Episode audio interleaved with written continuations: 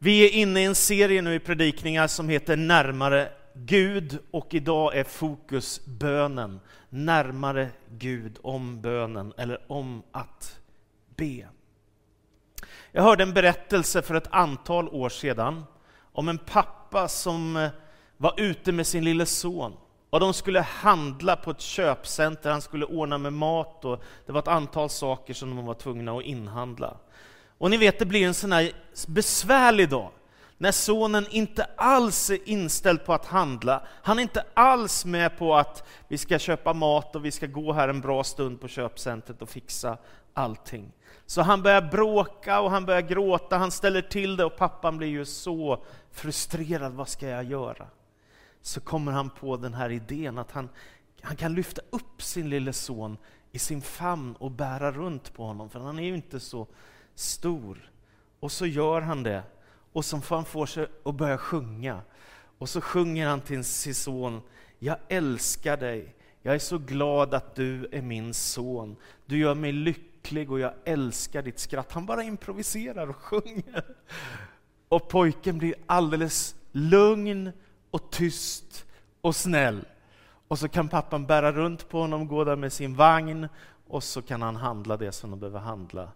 Och sen när de är klara, kommer ut ifrån köpcentret och går för att sätta sig i bilen och pojken ska hamna i sin bilstol, så tittar den lille pojken upp mot sin pappa och så säger han Sjung den igen pappa, sjung den igen. Jag vill höra igen. Jag tänker det där är vackert för det uttalar på något sätt vad en stark relation handlar om. Det handlar om en intim kärlek mellan olika människor. Och i det här fallet så talar vi nu om bön och bönen som en intim kärleksrelation till Gud själv. Det är någonting oerhört stort. Då kan man tänka, men vad, vad har min bön för påverkan? Varför ska jag be? Vad betyder det? Jag är ju bara en av sju, åtta miljarder människor på den här jorden. Varför skulle Gud lyssna på mina böner? Jo, men det står ju i Gudsordet i Bibeln så här, va? första Johannes 5 och 14. Vår frimodiga tro på Gud är denna, om vi ber honom om något efter hans vilja, så hör han oss. Va? För mig är det så starkt. Om vi ber efter, om något efter hans vilja, så hör han oss.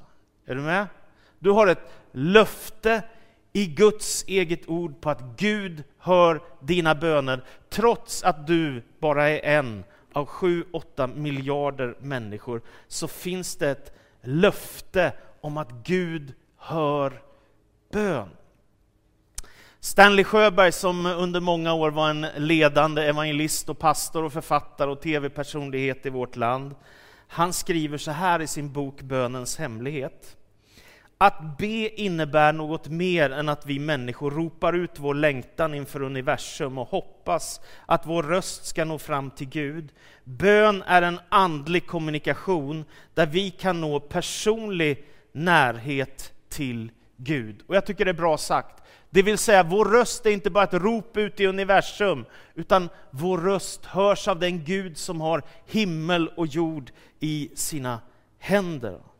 Och så finns ett annat bibelord i Jakob 4.8 som säger, närma er Gud så ska han närma sig er. Det vill säga, det finns en dubbel rörelse i den kristna tron. När du rör dig mot Gud så rör sig Gud emot dig. Det är någonting fantastiskt och du kan få kommunicera med Gud själv. Det är oerhört stort.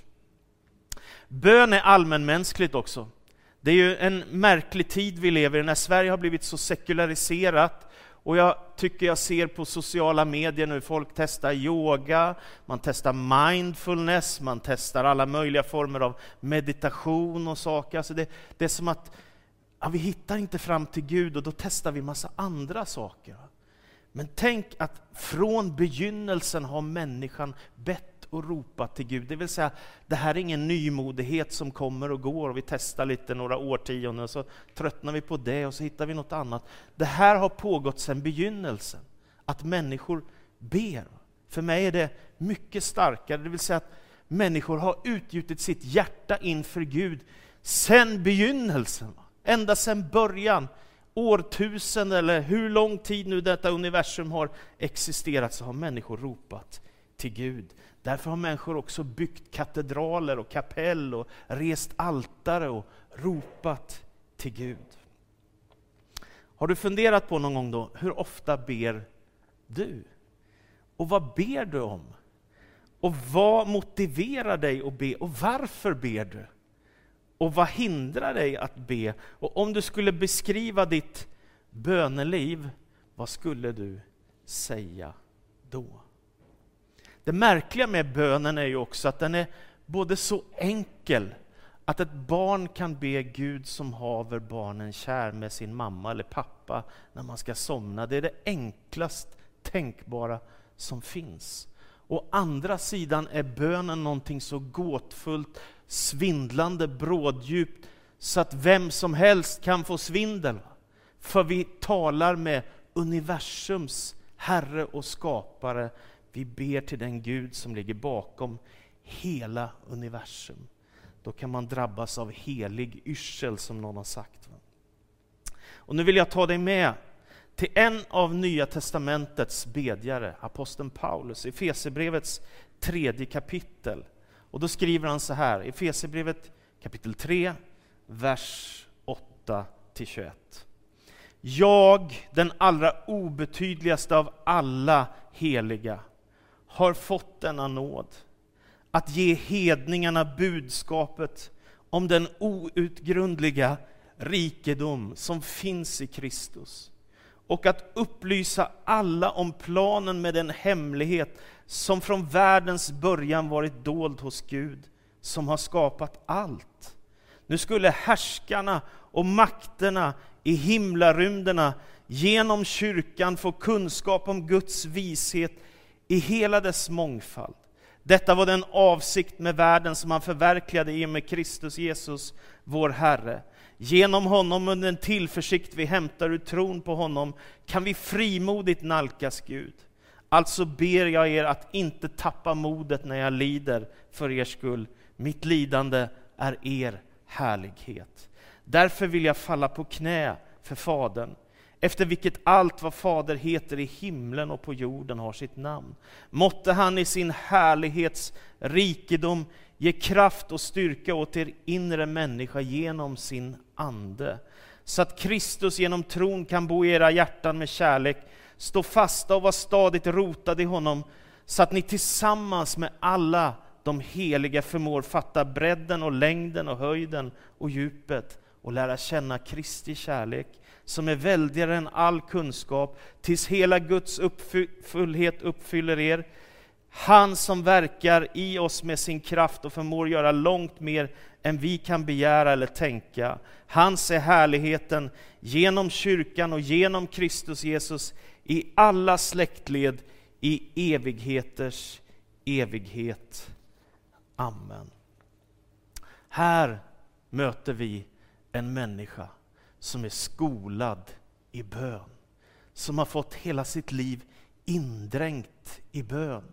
Han är uppvuxen i en from judisk familj där Gud är utgångspunkten för hela livet och för hela tillvaron, den som gör att vi existerar och finns till.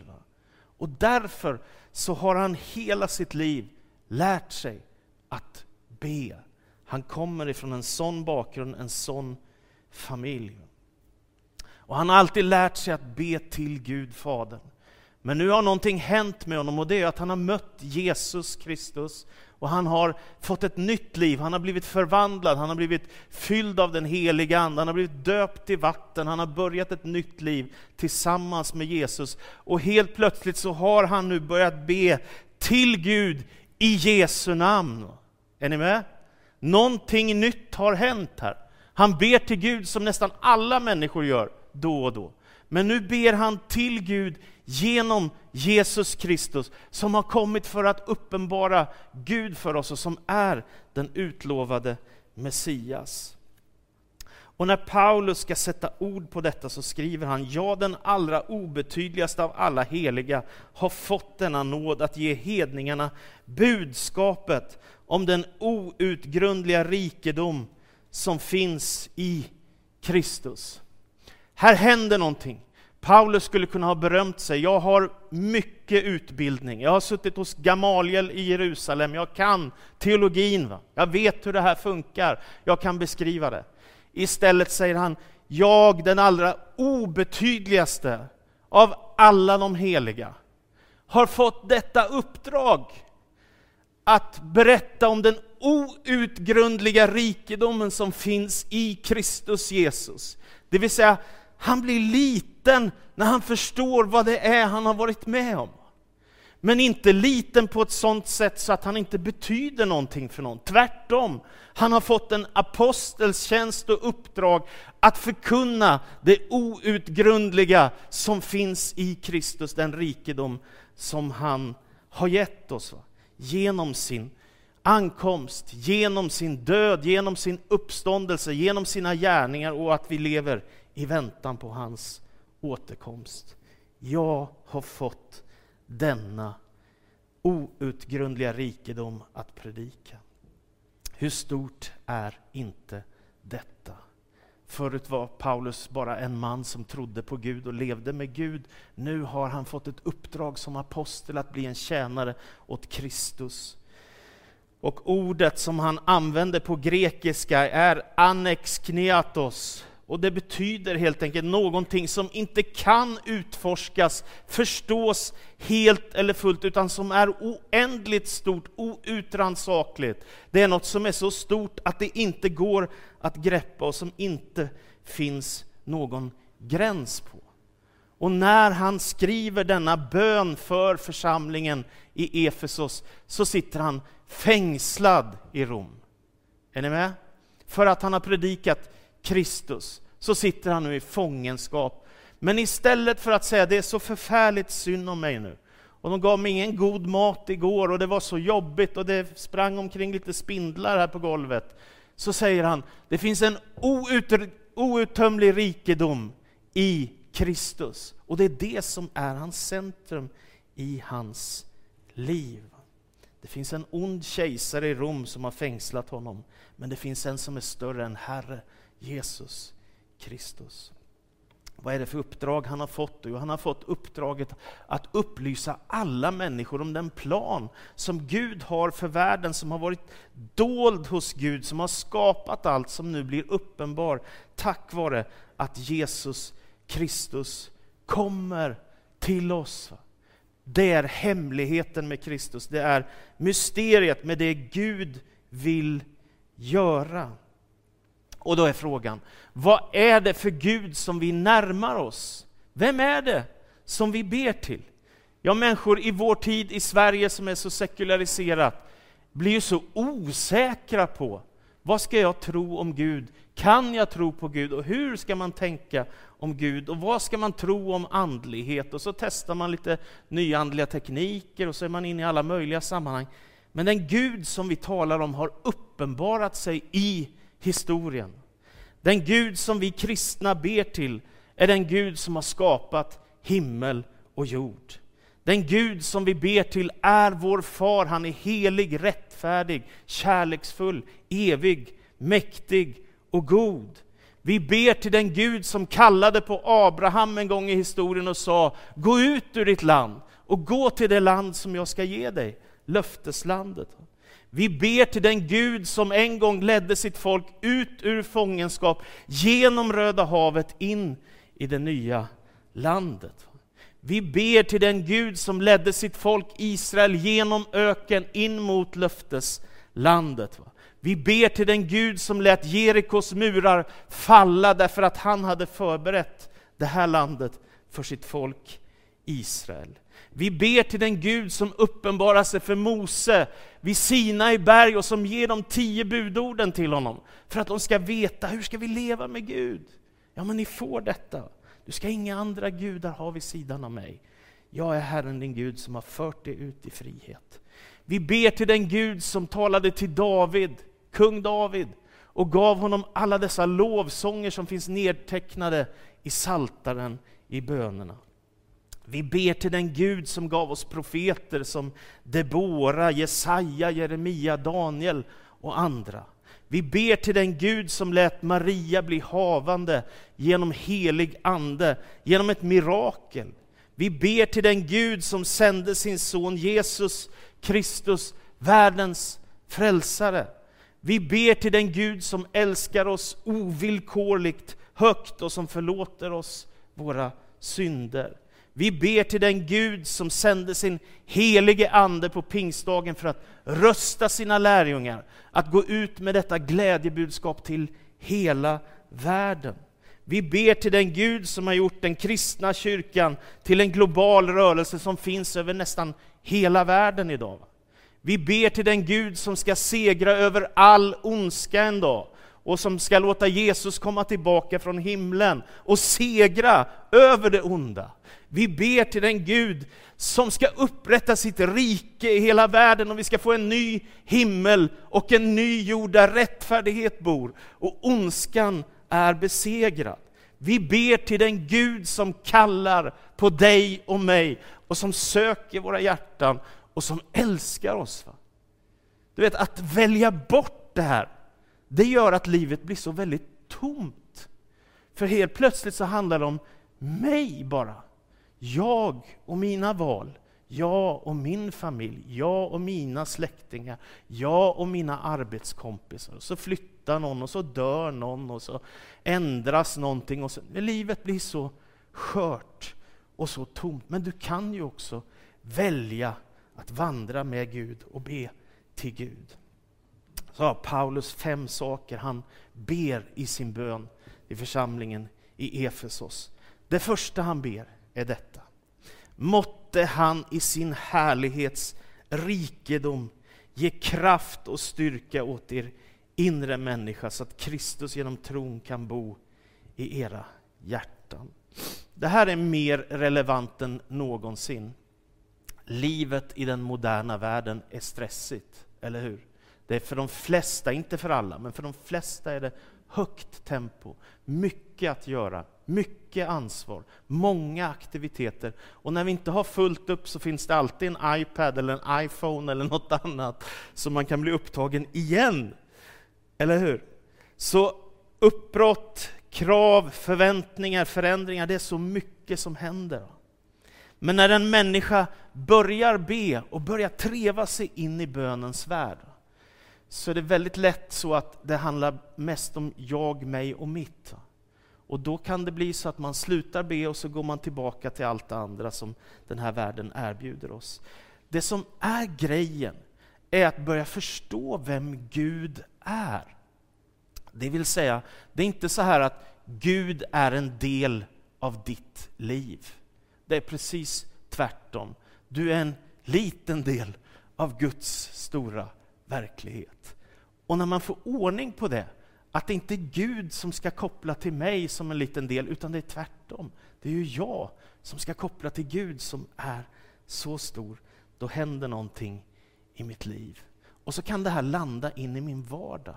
Att Gud inte är en fritidssysselsättning, några extra liksom, klicken, smöret på moset, eller vad man säger, alltså grädden på moset, något sånt där, utan han är förutsättningen för mitt liv. På 1600-talet levde en man som hette Broder Lorenz och han var en, en gudsmänniska som arbetade i ett kök. Så här skriver han, så vackert för att det här ska landa in i vardagen också. Jag vänder min lilla omelett i stekpannan av kärlek till Gud. När den sedan är färdig och jag inte har något annat att göra böjer jag mig till jorden och tillber min Gud som gett mig nåden att få tillaga den. Och därefter reser jag mig upp lyckligare än någon kung. Jag tycker det är, så, det är så fantastisk inställning till Gud och till bönen och till livet. Va? Ja, men tänk på alla andra kungar som har allt. Oj, oj, oj, vad imponerande. Ja, men jag har ju Gud. Jag vänder min lilla omelett och tackar Gud. Och när jag är färdig så kan jag falla på knä och tacka honom som har skapat himmel och jord. Och så säger han så här. Många gör sig möda för att förbli i Guds närvaro. Är det inte lättare och ärligare att bara göra allt för Guds kärleks skull?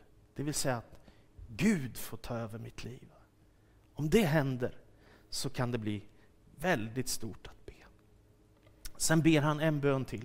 Stå fasta och var stadigt rotade i honom så att ni förmår tillsammans med dem, alla de heliga fatta bredden och längden och höjden och djupet. Stå fasta och var stadigt rotade i honom. Det bygger på två bilder. Det ena är ju, vad har jag för rötter? Om du tänker ett träd. Hur ser rotsystemet ut för trädet? Varifrån kommer livet? Va? Hur kommer saven? Hur kommer livskraften in i trädet? Ju starkare rötter jag har, ju starkare blir ju grenar och lövverk och allting. På samma sätt för en människa. Har du dina rötter? Har du dina rötter i Gud så kan du också få blomma. Var rot, rotad i honom. Den andra bilden är, vad har du för grund. Och det är bilden för ett husbygge. Om du ska bygga ett hus och har en ostabil grund så är det ju farligt. Va? Men om du bygger på grunden Kristus så kan ditt husbygge bli stabilt. Stå fasta och vara stadigt rotad i honom. Det är ju lätt att säga när allt är bra, när livet funkar och allting rullar på. Men det är också lätt att förlora modet, eller hur? Man kan gå igenom svåra utmaningar, tider av sjukdom, tider av ekonomisk prövning, tider av familjekriser, tider av konflikter på arbetet, tider när skolan är svår och man blir mobbad, tider när arbetslös hotar, tider när det kommer prövningar och svårigheter, tider när vi gör missbedömningar eller syndar eller vi gör misstag och vi drabbas av svårigheter. Så är det ibland att vara människa.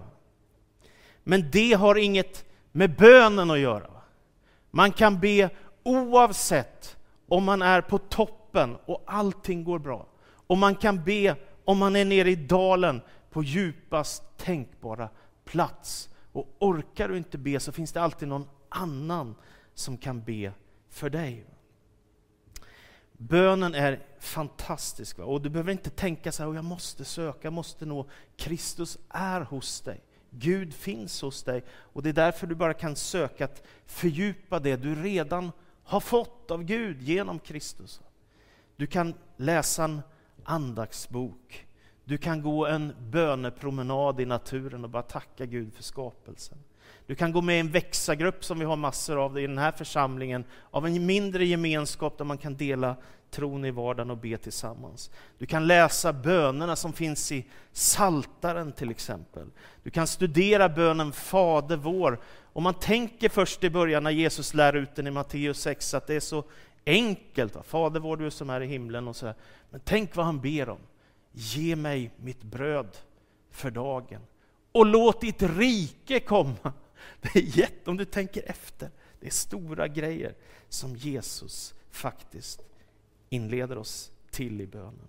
Du kan göra en bönelista. Jag hörde så fantastiskt bra en pastor som heter Charles Stanley, han är baptistpastor i USA. Han sa, jag gör alltid bönelister. För ni vet, i alla fall är det så för mig, man får ständigt böneämnen. Folk säger, kan du be för? Ni vet, bara förbifarten ibland, kan du be för?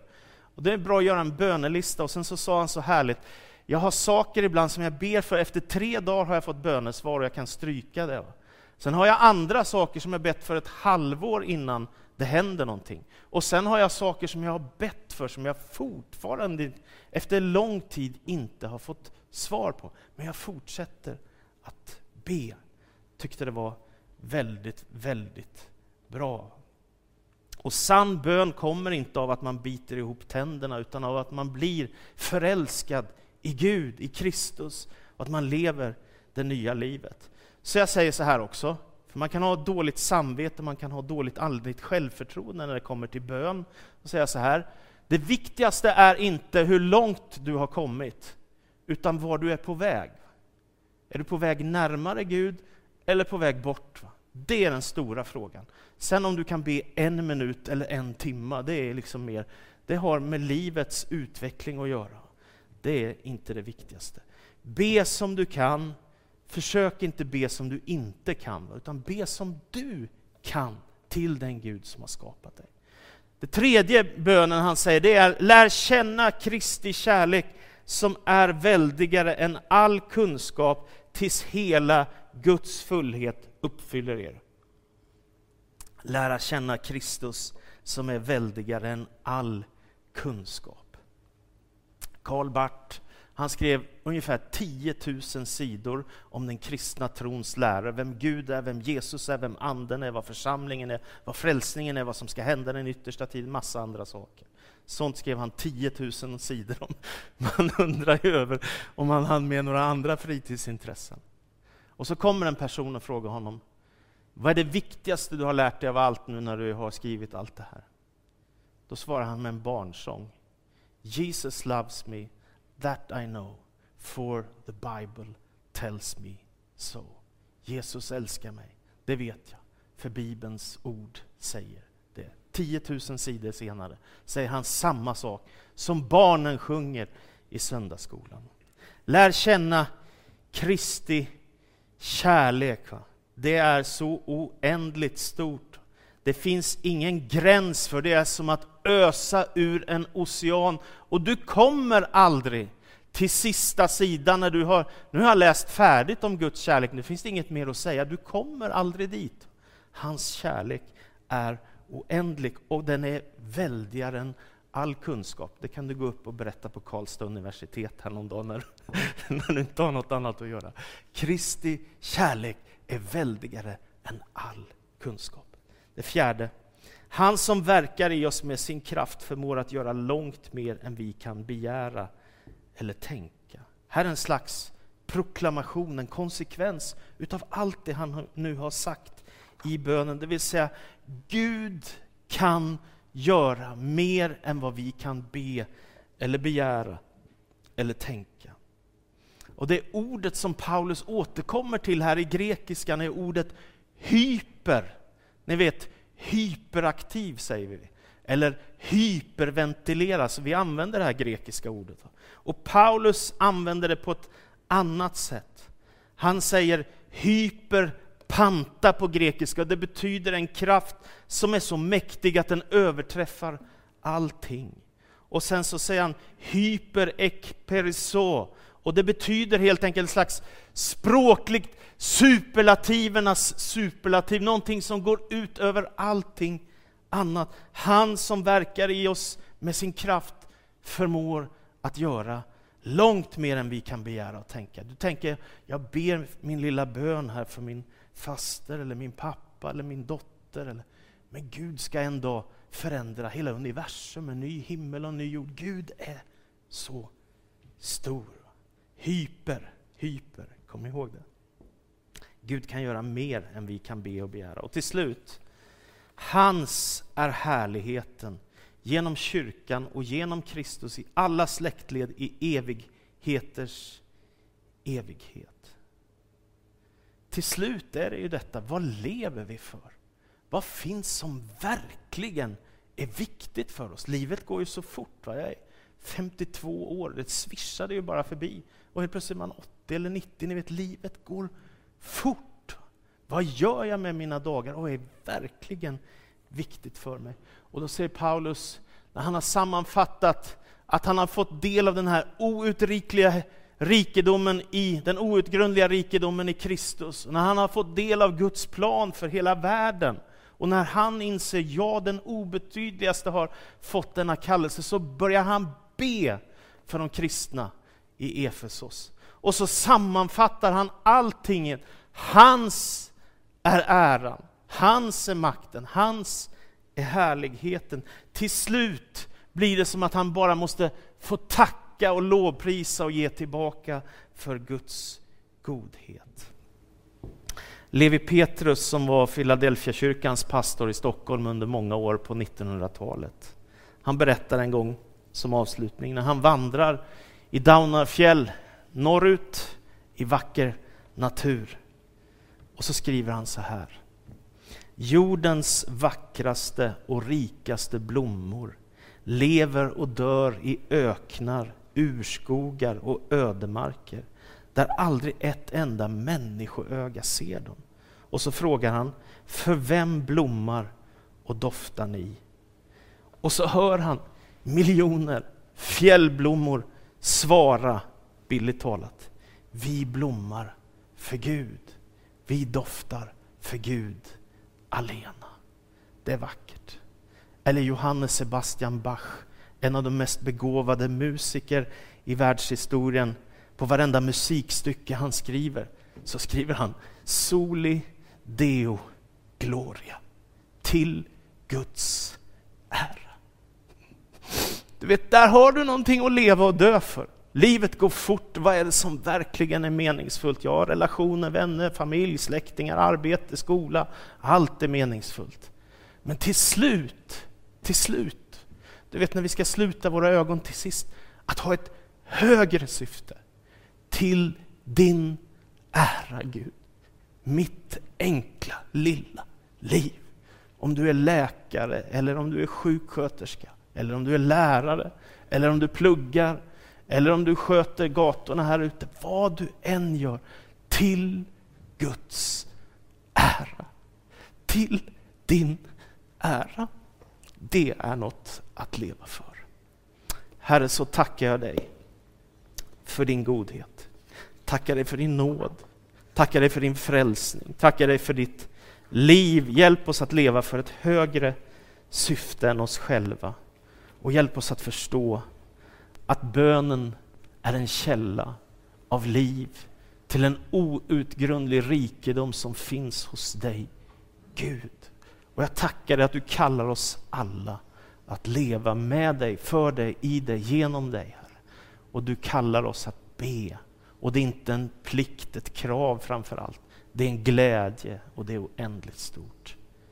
Amen.